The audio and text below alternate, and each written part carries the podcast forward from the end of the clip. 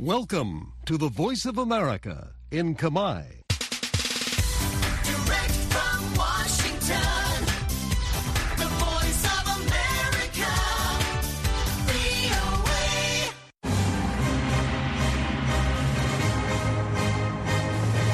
សួស្តីប្រិយមិត្តអ្នកស្ដាប់ជាទីមេត្រីនៅក្នុងកម្មវិធីផ្សាយតាមវិទ្យុរបស់ VOA នៅព្រឹកថ្ងៃសុក្រទី16ខែកុម្ភៈឆ្នាំ2024នេះ ខ្ញុំជឹងពូជីននិងសហការីនៃក្រុមផ្សាយវិខេមរៈភាសាសូមស្វាគមន៍ប្រិយមិត្តពីរដ្ឋធានី Washington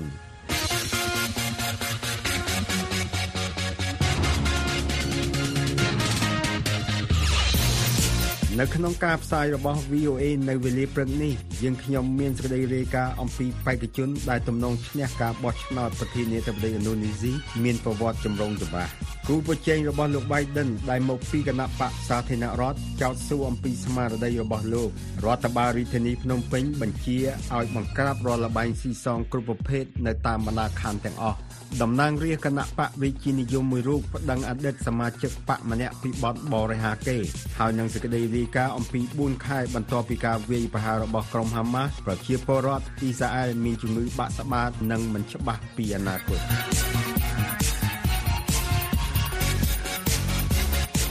លោក Prabowo Subianto ដែលជារដ្ឋមន្ត្រីក្រសួងការពារជាតិឥណ្ឌូនេស៊ីទំនងនឹងឈ្នះការបោះឆ្នោតប្រធានាធិបតីឥណ្ឌូនេស៊ីបើផ្អែកទៅលើចំនួនសន្លឹកឆ្នោតមិនទាន់ផ្លូវការនៃការបោះឆ្នោតកាលពីថ្ងៃពុធកន្លងទៅនេះ ការព្យាករណ៍លើជ័យជំនះរបស់លោកធ្វើឲ្យក្រុមអ្នកការពារសិទ្ធិមនុស្សមានការភ្ញាក់ផ្អើលដោយសារតែលោកមានប្រវត្តិជាប់ពាក់ព័ន្ធទៅនឹងការចោទប្រកាន់អំពីការរំលោភសិទ្ធិមនុស្សក៏ប៉ុន្តែអ្នកបោះឆ្នោតវ័យក្មេងដឹងអំពីការចោទប្រកាន់ទាំងនោះតិចតួចតែប៉ុណ្ណោះ លោក Claire Schnatterberg រាយការណ៍អំពីរឿងនេះពីរដ្ឋធានី Washington ហើយខ្ញុំជឹងពូជីនជួនក្តីប្រាយសម្រួលដូចតទៅ នៅឆ្នាំ1998លោក Prabowo ត្រូវបានបណ្តេញចេញពីយោធា បន្ទាប់ពីលោកទទួលរងនៃការចោទប្រកាន់ថាបានបញ្ជាឲ្យចាប់ជំរិតសកម្មជនការពារសិទ្ធិមនុស្សជាច្រើនដែលរហូតមកទល់ពេលនេះសកម្មជនជាង10នាក់នៅតែបន្តបាត់ខ្លួននៅឡើយ លោកក៏រងការចោទប្រកាន់អំពីការរំលោភសិទ្ធិមនុស្សនៅប្រទេសទីម៉័រខាងកើតផងដែរបន្ទាប់ពីត្រូវបានបណ្តេញចេញពីយោធាលោកបាននិរទេសខ្លួនដោយស្ម័គ្រចិត្តទៅរស់នៅប្រទេសយ៉ូដានីលោកក៏ត្រូវបានហាមមិនឲ្យចូលទឹកដីសហរដ្ឋអាមេរិកដែរលោក Prabowo បានច្រានចោលការចោទប្រកាន់ទាំងនេះដែលប្រឆាំងលើរូបលោក ហើយក៏មិនត្រូវបានចោទប្រកាន់ជាផ្លូវការនោះដែរ បេក្ខភាពរបស់លោកសម្រាប់ការបោះឆ្នោតនេះបានបញ្ជូនសញ្ញាគ្រោះថ្នាក់ក្នុងចំណោមសកម្មជនដែលបារម្ភអំពីលទ្ធភាពនៃការធ្លាក់ចុះនៃសេរីភាពតាមបែបលទ្ធិប្រជាធិបតេយ្យ លោកអ៊ូស្មានហាមីតនាយកប្រតិបត្តិអង្គការសិទ្ធិមនុស្ស Amnesty International ប្រចាំប្រទេសឥណ្ឌូនេស៊ីបានថ្លែងថាខ្ញុំនៅតែបារម្ភថាលោក Prabowo នឹងបំផ្លាញអ្វីដែលសម្រេចបានដោយទឹកភ្នែកនិងឈាមរបស់សកម្មជននិស្សិតជាច្រើននេះជាលើកទី3ហើយដែលលោក Prabowo បានព្យាយាមឡើងកាន់អំណាចលោកបានឈរឈ្មោះជាបេក្ខជនអនុប្រធានាធិបតីកាលពីឆ្នាំ2009រួមជាមួយនឹងអតីតប្រធានាធិបតីលោកស្រី Megawati Sukarnoputri លោកក៏បានទទួលបរាជ័យនៅក្នុងការបោះឆ្នោតឆ្នាំ2014និងឆ្នាំ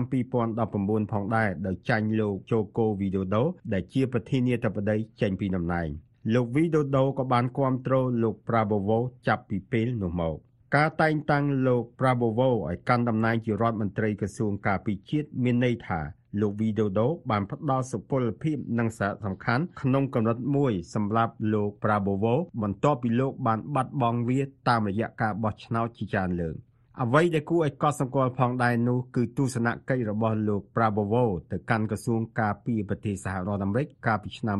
2020ដែលបានបញ្ចប់នៃការហាមឃាត់លោកមិនឲ្យចូលទឹកដីសហរដ្ឋអាមេរិក នៅមុនការបោះឆ្នោតនេះលោក Prabowo បានប្រែមុខមាត់ថ្មីយ៉ាងខ្លាំងចំណាប់អារម្មណ៍នានាទៅលើរូបលោកបានងាកចេញពីសាវតាជាតិនិយមយោធារបស់លោកហើយលោកមានប្រជាប្រិយភាពយ៉ាងខ្លាំងនៅលើបណ្ដាញសង្គមដែលមានអ្នកតាមដានជាង9លាននាក់នៅលើបណ្ដាញ Instagram និងបានបង្ហោះវីដេអូជាច្រើននៅលើបណ្ដាញសង្គម TikTok វត្តមានរបស់លោកនៅលើបណ្ដាញសង្គមបានតាក់ទាញការគាំទ្រពីសំណាក់ពលរដ្ឋឥណ្ឌូនេស៊ីវ័យក្មេង នៅក្នុងយុទ្ធនាការឃោសនាបោះឆ្នោតរូបភាពរបស់លោកដែលមានមុខមូលកន្លងបង្កើតដោយបច្ចេកវិទ្យាបញ្ញាសិប្បនិម្មិត AI បានធ្វើឲ្យអ្នកបោះឆ្នោតវ័យក្មេងសប្បាយរីករាយដោយលោកបានលើកម្រាមដៃបង្ហាញរូបបេះដូងតាមបែបពលរដ្ឋកូរ៉េនិងកាន់ឆ្មារបស់លោកឈ្មោះ Bobby យ៉ាងយកចិត្តទុកដាក់ និស្សិតសាកលវិទ្យាល័យម្នាក់ឈ្មោះ Stephanie Iskandar បានប្រាប់ VOA ថាពលរដ្ឋឥណ្ឌូនេស៊ីក្មេង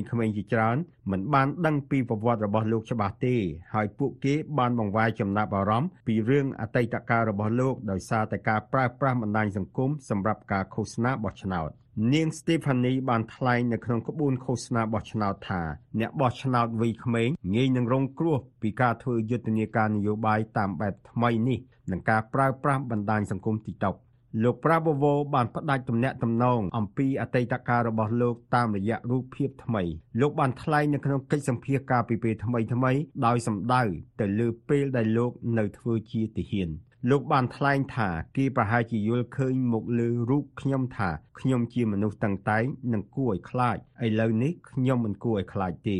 ពីរដ្ឋធានី Washington ខ្ញុំជើងពូជីន VOA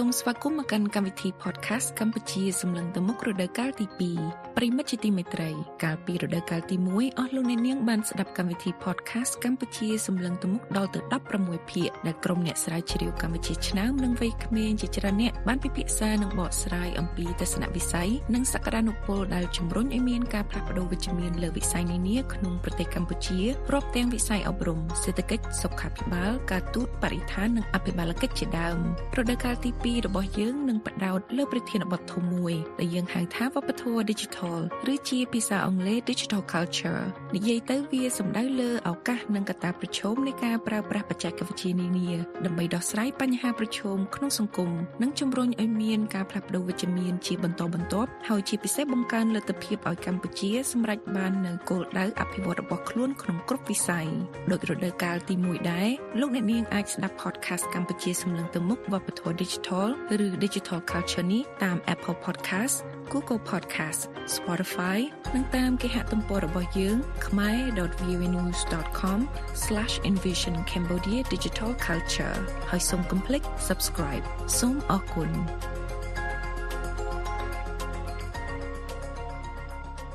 គូប្រជែងរបស់លោកโจ Biden ដែលមកពីគណៈបកសាធារណរដ្ឋកំពុងចោទសួរអំពីសុខភាពស្មារតីរបស់លោកបន្ទាប់ពីមានការច្រឡំរបស់ប្រធានាធិបតីសហរដ្ឋអាមេរិកដែលបានធ្វើឲ្យអ្នកបោះឆ្នោតមានការពួយបារម្ភកាន់តែខ្លាំងឡើងអំពីអាយុរបស់លោកអ្នកស្រី Patsy Widakuswara ប្រធានការិយាល័យ VOA នៅសេតវិមានរាយការណ៍អំពីរឿងនេះអ្នកស្រី Lee Morivan ជួនក្តីប្រាយសម្រួលដូចតទៅ to go around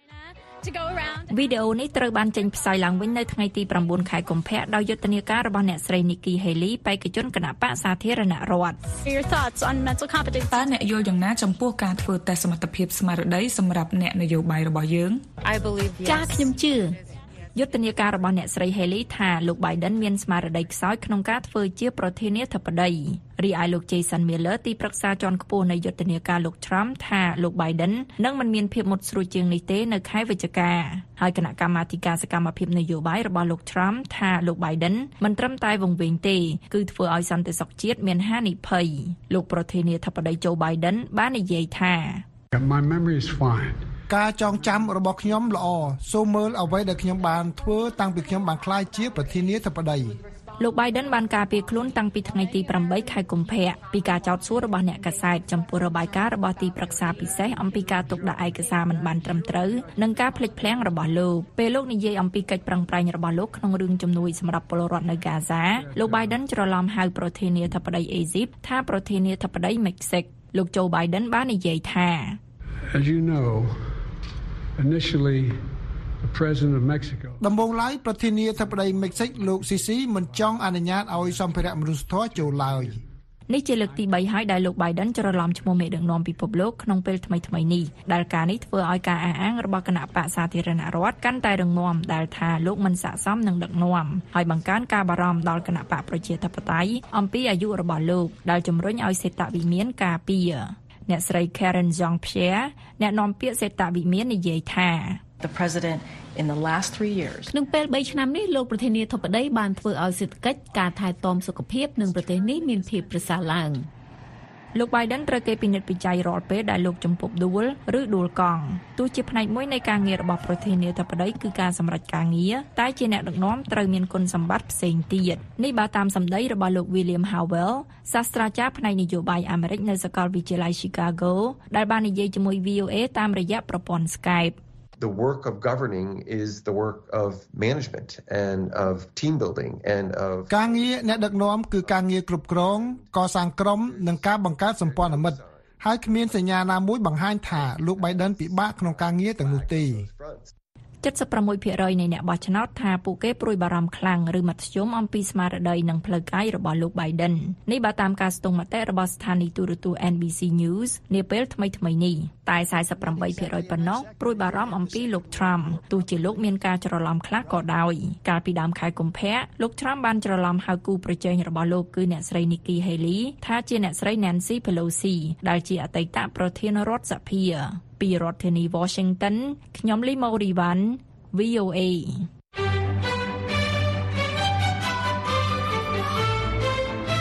ប្រិយមិត្តជាទីមេត្រីឥឡូវនេះកម្មវិធី Hello VOA ស្ដីពីសុខភាពដែលតែងតែចាក់ផ្សាយនៅរៀងរាល់រាត្រីថ្ងៃប្រហ័សសប្តាហ៍ទី3នៃខែនីមួយៗក៏មានជាវីដេអូផងដែរលោកអ្នកអាចទស្សនាកម្មវិធី Hello VOA ស្ដីពីសុខភាពនេះបានដោយចូលទៅកាន់គេហទំព័ររបស់យើងខ្ញុំដែលមានអាស័យដ្ឋាន khmer.voanews.com រួចចុចលើកម្មវិធី Hello VOA នោះលោកអ្នកនឹងចូលដល់ទំព័រមួយទៀតដែលមានកម្មវិធី Hello VOA សុខភាពហើយលោកអ្នកអាចទស្សនាវីដេអូមួយណាក៏បាន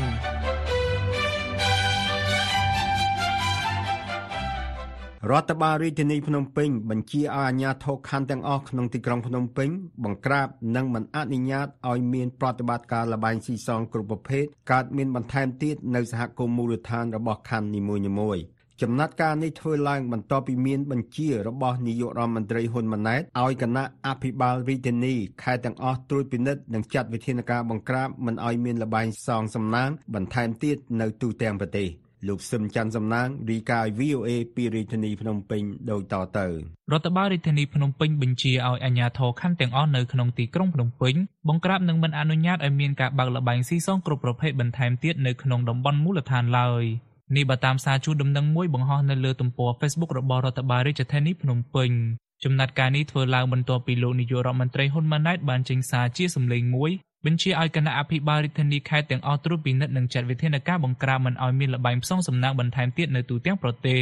អភិបាលរងរាជធានីភ្នំពេញលោកកើតឆៃប្រាប់ VOA នៅថ្ងៃប្រហ័សនេះថានៅក្នុងកិច្ចប្រជុំបន្ទាន់របស់រដ្ឋបាលរាជធានីភ្នំពេញកាលពីម្សិលមិញនេះអាជ្ញាធរមូលដ្ឋាននៅរាជធានីភ្នំពេញនឹងអនុវត្តតាមបញ្ជារបស់លោកនាយករដ្ឋមន្ត្រីដែលមិនអនុញ្ញាតឲ្យមានការបើកបន្ថែមទីតាំងថ្មីនៃលបែងផ្សងសំណាងផ្សេងទៀតឡើយ។ ប៉ុន្តែអ្វីដែលអនុវត្តប្រសាសន៍សម្បត្តិចិត្តប្តីចាំមិញគឺមិនអនុញ្ញាតឲ្យរដ្ឋបាលរាជធានីភ្នំពេញចេញឲ្យធ្វើទីតាំងថ្មីទៀតទេអញ្ចឹងកន្លងមកគឺអ្នកដែលបានទទួលគេហៅថាសិទ្ធិការពីស្ថាប័នមានសមត្ថកិច្ចហ្នឹងគាត់សុំដាក់ទីតាំងទៅតាមស្ថាប័នសហគមន៍ជាតិឥឡូវសម្ដេចធិបតីលោកណែនាំថាមិនឲ្យថ្មីទេមានបណ្ណាគឺប៉ុណ្ណឹងអញ្ចឹងគេអនុវត្តតាមហ្នឹងណាលោកបញ្ជាក់ទៀតថា កន្លងទៅការអនុវត្តឬការចុះបង្ក្រាបលបែងស៊ីសងគឺផ្អែកតាមប្រភពព័ត៌មានពីតំបន់មូលដ្ឋាននិងជំនាញនៃការស៊ើបអង្កេតរបស់កម្លាំងសមត្ថកិច្ចអ្នកនាំពាក្យស្នងការដ្ឋាននគរបាលរាជធានីភ្នំពេញលោកសង្ឃវិជ្ជការប្រាប់ VOA ថា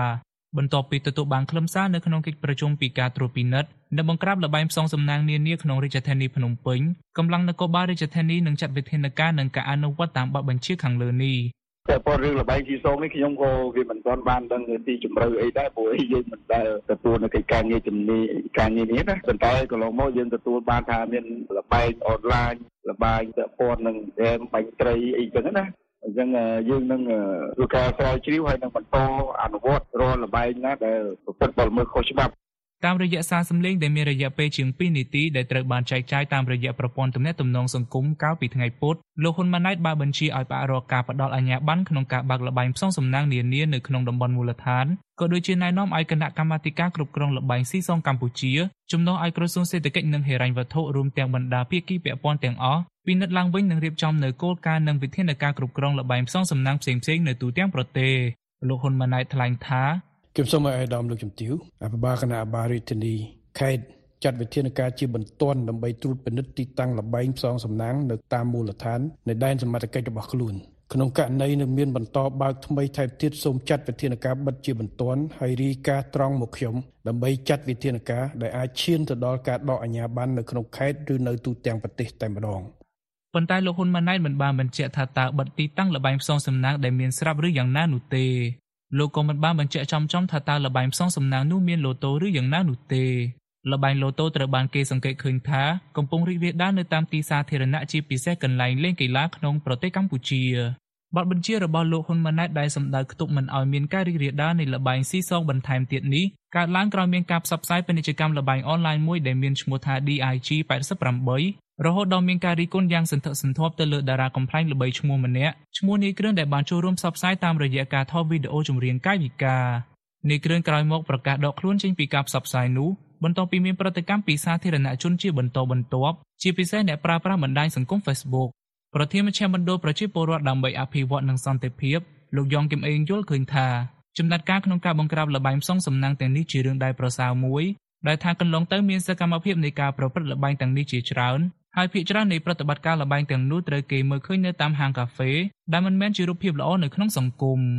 វិធានការគឺខ្ញុំគិតថាអាជ្ញាធរត្រូវតែពិនិត្យមើលហើយនឹងចាត់វិធានការទាំងលបែងហើយនឹងបិទទាំងអស់បានកុំសាប់តាទៅ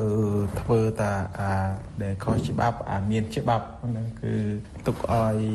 ហ្នឹងគឺមានបញ្ហាក្នុងសហគមន៍ច្រើនណាស់បាទអញ្ចឹងតែល្បិតទាំងអស់ហើយ លុបចោល license ទាំងអស់ហើយក៏រឹតបន្តឹងក្នុងសហគមន៍កុំឲ្យមានល្បែងសសរនឹងជាការប្រសើរបាទក្រសួងសេដ្ឋកិច្ចនិងហិរញ្ញវត្ថុធ្លាប់បញ្ជាក់ថារដ្ឋាភិបាលកម្ពុជាមិនបានផ្ដល់អាជ្ញាប័ណ្ណដល់ក្រុមហ៊ុនលបែងស៊ីសងអនឡាញឲ្យប្រកបអាជីវកម្មឬរកស៊ីនៅកម្ពុជានោះទេចាប់តាំងពីពាក់កណ្ដាលឆ្នាំ2019មកគឺនៅគ្រាដែលរដ្ឋាភិបាលបានប្រកាសបិទលបែងអនឡាញដែលគេតែងតែហៅថាអនឡាញហ្គេមដ៏ពេញនិយមនោះរាយការណ៍ប្រជាធានីភ្នំពេញខ្ញុំសំច័ន្ទសំណាង VOA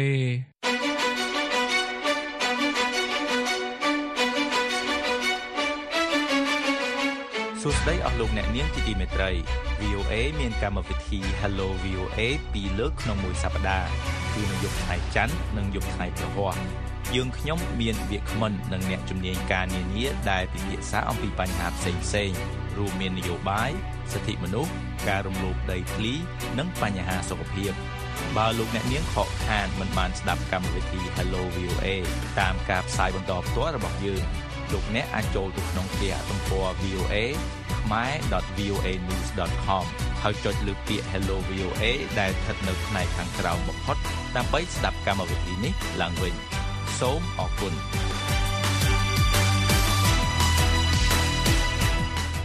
តំណាងរាស្ត្រជាប់ឆ្នោតមកពីគណៈបកហ្វុនសំពេចមួយរូបគឺលោកញៀនរ៉ាដែនបានប្តឹងអតីតសមាជិកគណៈបករបស់ខ្លួនលោកញ៉ែមអេន ពីបទបរិហាគេជាសាធារណៈចំពោះការប្រើប្រាស់ពាក្យសម្ដីអសុរោះផ្សេងផ្សេងជេរដេះដៀលថ្នាក់ដឹកនាំគណៈបកលោកញ៉ែមអែនបដិសេធចោលការចោទប្រកាន់ដោយថាលោកមិនបាននិយាយបរិហាគេបុគ្គលណាមួយទេ ហើយអ្វីដែលលោកបាននិយាយគឺផ្ដើមចេញពីការមើលឃើញអំពីស្ថានភាពជាក់ស្ដែងតាក់ទងការប្រព្រឹត្តឆ្គាំឆ្គងរបស់បុគ្គលមួយចំនួនក្នុងគណៈបករាជានិយមមួយនេះ។ កញ្ញាចិត្តសយារាយការណ៍ឲ្យ VOA ពីរាជធានីភ្នំពេញដោយតទៅតំណាងរាជរាជានិយមគណៈបកហ្វុនស៊ិមពេចមួយរូបបានប្តឹងអតីតសមាជិកគណៈបករបស់ខ្លួនចំពោះការជាប្រមាថថ្នាក់ដឹកនាំគណៈបកជាបន្តបន្ទាប់តាមបណ្ដាញសង្គមក្រោយការបោះឆ្នោតជាតិឆ្នាំ2023លោកញ៉ែមអេនអតីតសមាជិកគណៈបកហ្វុនស៊ិមពេចនិងជាអតីតអ្នកថតរូបនៅអតីតគុកទួលស្លែងឬមន្ទីរស21 ត្រូវបានប្តឹងដោយសមាជិកសភាមណ្ឌលខេត្តកំពង់ចាមលោកញៀនរ៉ាដែន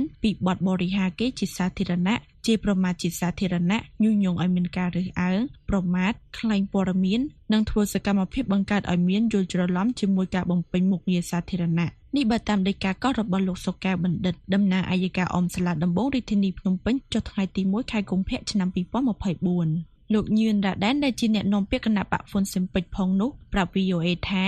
លោកសម្រេចប្តឹងលោកញ៉ែមអេនដោយសារតែអតីតសមាជិកគណៈបករូបនេះមិនព្រមបញ្ឈប់សកម្មភាពបរិហាគេជេរប្រមាថថ្នាក់ដឹកនាំគណៈបកតាមរយៈការបញ្ចេញមតិនិងការនិយាយផ្ទាល់ក្នុងបណ្ដាញសង្គមបើទោះបីជាលោកត្រូវបានបញ្ចប់តំណែងជាសមាជិកគណៈបកក៏ដោយ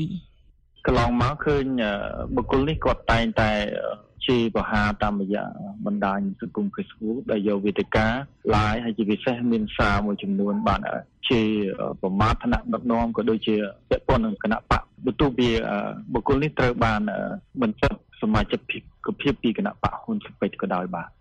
បណ្ដឹងរបស់សមាជិកសភាមកពីគណៈបរិជានិយមទៅលើលោកញ៉ែមអេនធ្វើឡើងក្រោយលោកញ៉ែមអេនបានចោទប្រកាន់ថាបុគ្គលមួយចំនួននៅក្នុងគណៈបកហ្វុនស៊ិមពេចបានប្រព្រឹត្តទង្វើមិនស្មោះត្រង់ជុំវិញការយកលុយកាក់ពីសមាជិកគណៈបកជាថ្នូវនឹងការបានមុខតំណែងជាតំណាងរាស្ត្រក្រោយការបោះឆ្នោត លោកញឿនរ៉ាដែនច្រានចោលការចោទប្រកាន់នោះថាគណៈបកមិនដែលបង្ខំថ្នាក់ដឹកនាំបកសមាជិកបកឬសកម្មជនឲ្យបង់លុយចូលបកនោះទេអំឡុងពេលនៃការធ្វើយុទ្ធនាការរកសម្លេងឆ្នោតក្នុងការបោះឆ្នោតជ្រើសរើសតំណាងរាស្ត្រកាលពីឆ្នាំ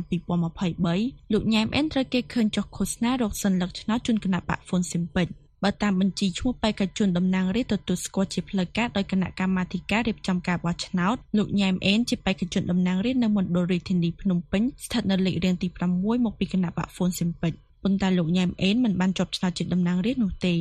តែកតិនពាក្យបណ្ដឹងរបស់លោកញឿនរ៉ាដែនតំណាងរាស្ត្រមណ្ឌលខេត្តកំពង់ចាមលោកញ៉ែមអេនថ្លែងថាលោកមិនបាននិយាយប្រមាថឬបរិហាគេនរណាម្នាក់ឡើយដោយថាលោកគ្រាន់តែនិយាយអ្វីដែលជាការពិតទាក់ទងនឹងការប្រព្រឹត្តសកម្មភាពមិនប្រក្រតីរបស់បុគ្គលមួយចំនួននៅក្នុងគណៈបកដើម្បីឲ្យមហាជនបានដឹងឮតែប៉ុណ្ណោះ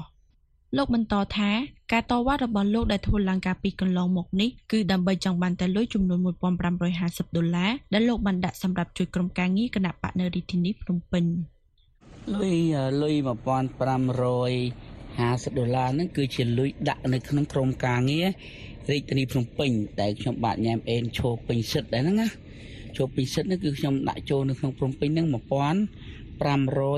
50ដុល្លារបាទខ្ញុំទៀមទាវិញនេះដោយសារអីដោយសារពួកគាត់ចោតតំណាងរាឲ្យអាខ្លះអត់ទាំងបានចូលលុយផងយកតំណែងទាំងអស់ព្រោះតំណែងលុយ1550នេះគឺជាតំណែងពេញសិទ្ធបាទពេញសិទ្ធ ដាក់ចូលជួយបាក់ក្នុងក្រុងភ្នំពេញហ្នឹងទីចុងចប់ការនិយាយគ្នាអ្នកណាចេញលុយគឺនឹងអ្នកបានតំណែងទីចប់បានតំណែងមកដាក់ទៅគ្នាវាបាក់ពួកវាទាំងអស់អញ្ចឹងលោកបន្ថែមថាលោកទំនងជាមិនចុះបំភ្លឺតាមដីកាកោះរបស់តុលាការនោះទេដោយលើកហេតុផលថាដីកាបានសរសេរខុសទាក់ទងនឹងទីកន្លែងរស់នៅបច្ចុប្បន្នរបស់លោក អ្នកនាំពាក្យអាយកាអមសាលាដំបងរាជធានីភ្នំពេញលោកប្លង់សុផល បញ្ជាក់ VOA ឲ្យដឹងតាមប្រព័ន្ធទំនាក់ទំនង Telegram ថាលោកមិនទាន់បានដឹងអំពីដីកាកោះហៅលោកញ៉ែមអេននៅឡើយទេដូច្នេះលោកសូមមិនធ្វើការអត្ថាធិប្បាយ គួរបញ្ជាក់ថាកាលពីខែកញ្ញាឆ្នាំមុនលោកញ៉ែមអេនធ្លាប់ដាក់ពាក្យបណ្ដឹងប្តឹងលោកហេងហាក់លឹមពីបទលួចយកទូរស័ព្ទរបស់លោកដើម្បីឆែកមើលឯកសារនិងធ្វើសកម្មភាពទុច្ចរិតផ្សេងទៀតក្នុងបណ្ដាញសង្គមប៉ុន្តែក្រោយមកលោកញ៉ែមអេនបានដកពាក្យបណ្ដឹងវិញដោយមិនចង់មានរឿងវែងឆ្ងាយតទៅទៀត លោកហេងហាក់លឹមត្រូវគេដឹងថាជាជំនួយការព្រះអង្គម្ចាស់ស្ត្រីនរោត្តមម៉ារីដែលជាព្រះមហាក្សត្ររបស់អតីតប្រធានគណៈបកហ្វុនស៊ិមពេចគឺសម្ដេចក្រមព្រះនរោត្តមរ៉ាម៉ារិតទោះយ៉ាងណាលោកញឿនរ៉ាដែនបានបដិសេធថាមិនមានករណីលួចទូរស័ព្ទដោយការចាប់ប្រកាន់របស់លោកញ៉ែមអេននោះទេរីកាពីរាជធានីភ្នំពេញនាងខ្ញុំចិត្តស្រីយ៉ា VOA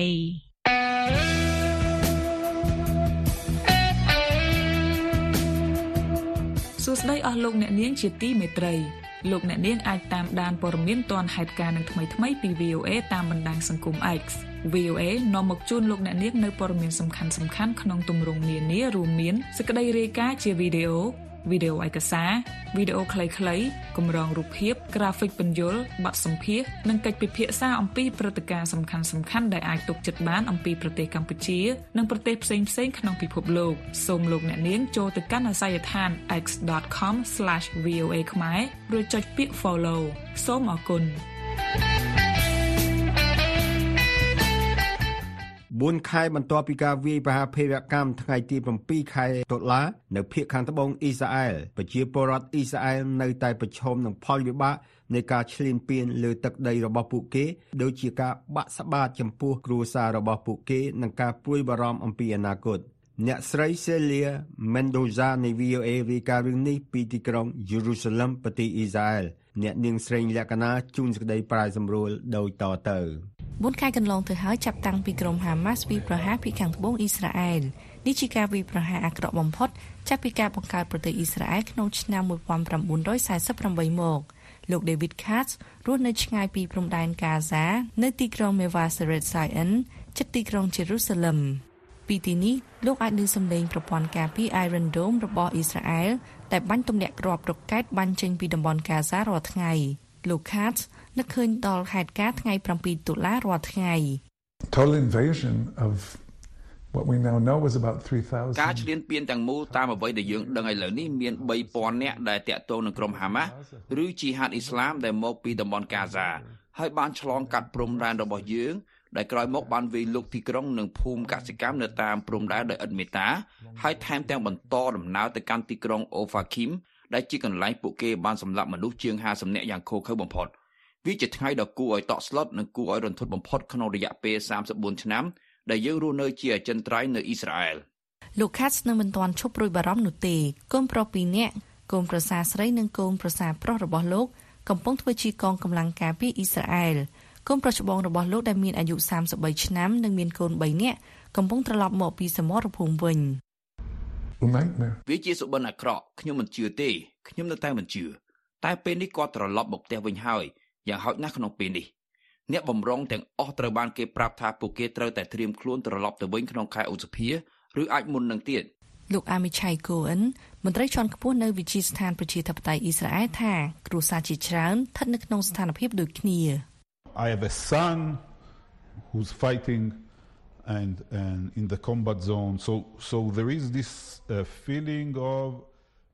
ខ្ញុំមានកូនប្រុសម្នាក់ដែលកំពុងប្រយុទ្ធនៅសមរភូមិដូច្នេះខ្ញុំមានអារម្មណ៍ថាមានគ្រោះថ្នាក់ចំពោះសមាជិកគ្រួសារជិតស្និទ្ធរបស់ខ្ញុំប៉ុន្តែផ្ទុយទៅវិញនៅពេលដែលអ្នកដើរជុំវិញទីក្រុង Tel Aviv ឬ Jerusalem សេដ្ឋកិច្ចប្រទេសកំពុងត្រឡប់ទៅរកសភាពធម្មតាវិញប្រជាជនអ៊ីស្រាអែលថាមិនងាយស្រួលដោះស្រាយបញ្ហាចំនួននៅតំបន់កាហ្សានោះទេទន្ទឹមនឹងនេះពួកគេប្រឈមនឹងសម្ពាធពីទស្សនៈអន្តរជាតិ ការកើនឡើងចំនួនជនស៊ីវិលស្លាប់នៅតំបន់កាហ្សានិងសំណួរថាតើអ្នកណាចាប់ផ្ដើមសង្គ្រាមនឹងត្រូវបញ្ចប់សង្គ្រាមដោយរបៀបណា it's terrible that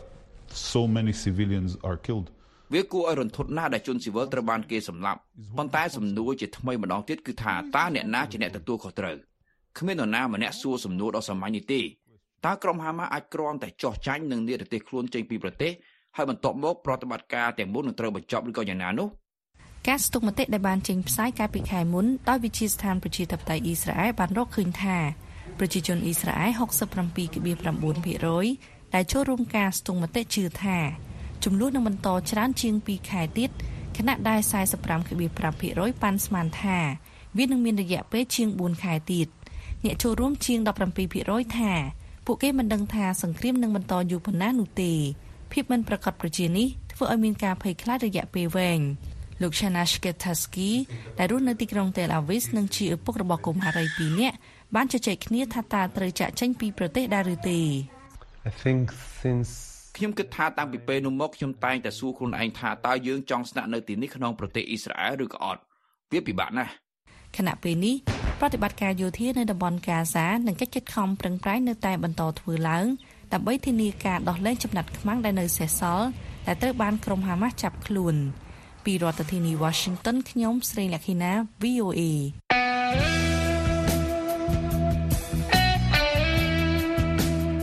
សួស្តីអស់លោកអ្នកនាងជាទីមេត្រីលោកអ្នកនាងអាចតាមដានព័ត៌មានទាន់ហេតុការណ៍និងថ្មីថ្មីពី VOA តាមរយៈបណ្ដាញសង្គម X ដែលពីមុនហៅថា Twitter VOA នាំមកជូនលោកអ្នកនៅព័ត៌មានសំខាន់សំខាន់ដែលអាចទុកចិត្តបានអំពីប្រទេសកម្ពុជា និងអំពីប្រទេសផ្សេងផ្សេងក្នុងពិភពលោកសូមលោកអ្នកនាងចូលទៅកាន់អាសយដ្ឋាន x.com/voa ខ្មែររួចចុចពាក្យ follow សូមអរគុណ។.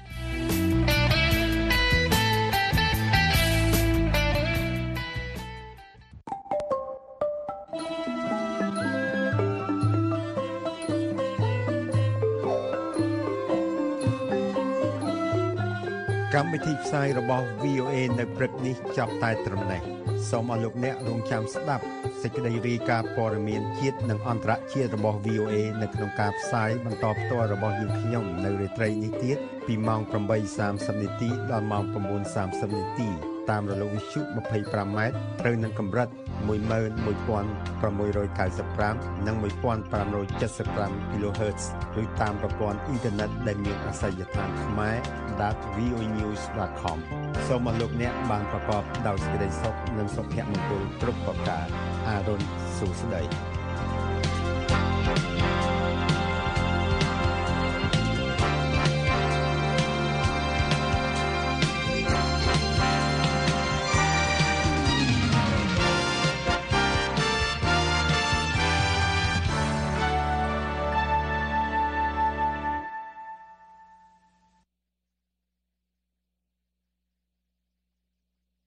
This program has come to you from the Voice of America, Washington.